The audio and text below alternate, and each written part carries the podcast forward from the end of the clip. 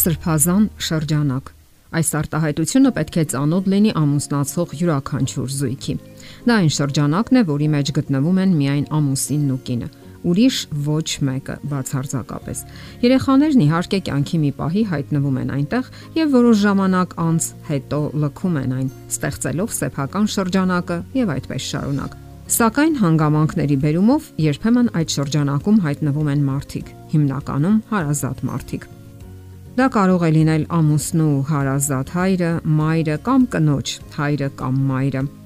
Ոչ քիչ դեպքերում նաև քույրերն ու եղբայրները։ Սա բնականաբար ստեղծում է բավականաչափ անհարմարություններ, որոնք ժամանակի ընթացքում կարող են հարթվել։ Այստեղ հիմնական հիմնախնդիրն այն է, որ լուր, թաքնված կամ երբեմն էլ բացահայտ պայքար է ընթանում, թե ով է տան ղեկավարը։ Որոշ ընտանիքներում հարցը, ինչպես ասում են, այն գլխից է լուծված։ Ղեկավարը պետք է լինի տղամարդու մայրը։ Նրա խոսքը անբեկանելի է։ Նրան հակաճառելը պատժվում է տարբեր կարգապահական միջոցառումներով։ Որոշ դեպքերում լուրջ ճակատամարտ է մղվում ղեկավարության ու հեղինակության առումով եւ գոյություն ունեն ամենատարբեր հարցեր, որոնք հարկավոր է ճշտել ու կարգավորել։ Ներկայացնենք դրանցից մի քանիսը։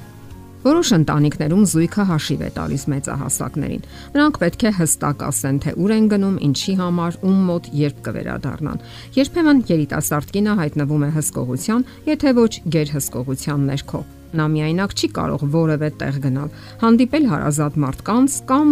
պետք է հանդիպի սահմանափակ ժամանակով։ Այսպիսի իրավիճակներում շատ բան իհարկե կախված է ամուսնուց, սակայն համատեղ ապրելու դեպքում հիմնախնդիրներ միշտ էլ կարող են առաջանալ։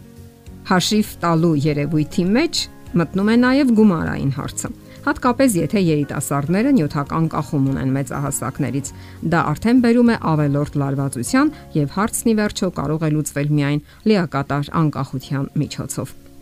Հաջորդ հարցը անձնական սահմաններին է վերաբերում։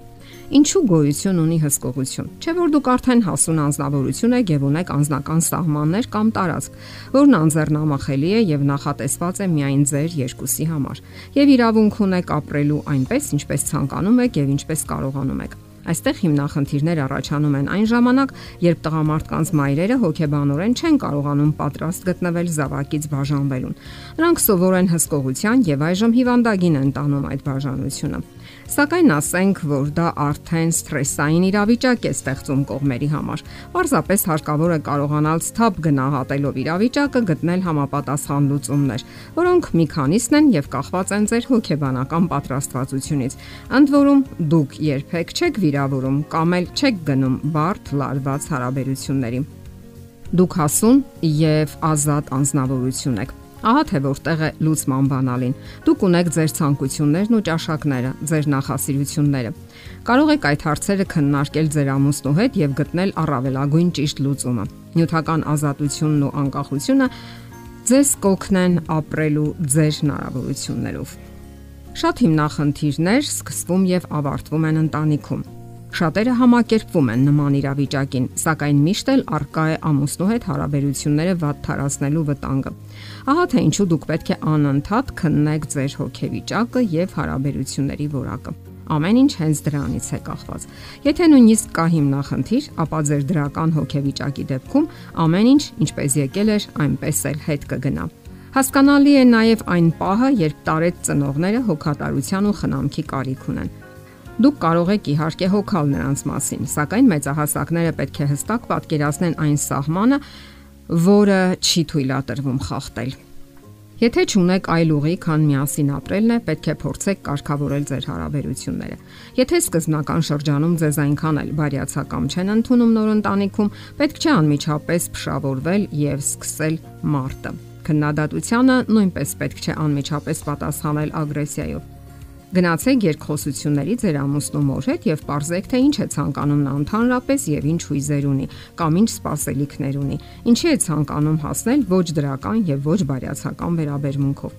Պայմանավորվեք որոշակի հարցերի շուրջ, թե ինչպես պետք է վարվեք որոշակի իրավիճակներում, որpիսի բացառվեն տհաճ զրույցներն ու բախումները։ Նաև ասենք, որ հարաբերությունները parzabanելիս պետք չէ ներգրավել ամուսնուն։ Այդ դեպքում դուք հայտնվում եք մի երանգյունում, որտեղ ամուսնում մայրը կամ սկեսուրը ագրեսորն է, դուք զոհը, իսկ ամուսինը փրկարարը։ Ամբողջ հարցն այն է, որ այդ երանգյունու մեջ դերերը շատ հաճախ եւ արագորեն փոփոխվում են, եւ դուք զոհից կարող եք հայտնվել ագրեսորի կարգավիճակում։ Եվ այդ ամբողջ իրավիճակներում ձեր ամուսինը հայտնվում է երկու կրակի արանքում, ինչպես ասում են։ Նրա համար իսկապես բարդ իրավիճակ է։ Դրա համար պետք է աշխատեք հարցերը լուծել ձեր ուժերով առանց կողմնակի միջամտության։ Իսկ եթե այնուամենայնիվ ձեր ամուսնու մայրը հրահրում է եւ չի ուզում գնալ փողզիչումների, ապա պետք է գծեք ձեր հստակ սահմանները եւ նրան բացատրեք, թե ինչու եք այդպես վարվում։ Իսկ եթե դա էլ չի օգնում, ժամանակն է առանձնանալու Դուք ամուսիններով որոշում եք ունենալ ձեր անկախ կյանքը եւ առանձնանում եք։ Այստեղ այլևս կապ չունեն ոչ նյութական գործոնները եւ ոչ էլ այլ պատճառներ։ Սակայն չմոռանաք, որ միևնույն ժամանակ պարտավոր եք ձեր կողմից պահպանել հարգալից եւ բնականon հարաբերություններ։ Դա է պահանջում սրբազան շրջանակի չգրված կանոններից մեկը։ Եթերում ընտանիք հաղորդաշարներ։ Ձեզ հետ է Գեղեցիկ Մարտիրոսյանը։ Հարցերի եւ առաջարկությունների համար զանգահարել 033 87 87 87 հեռախոսահամարով։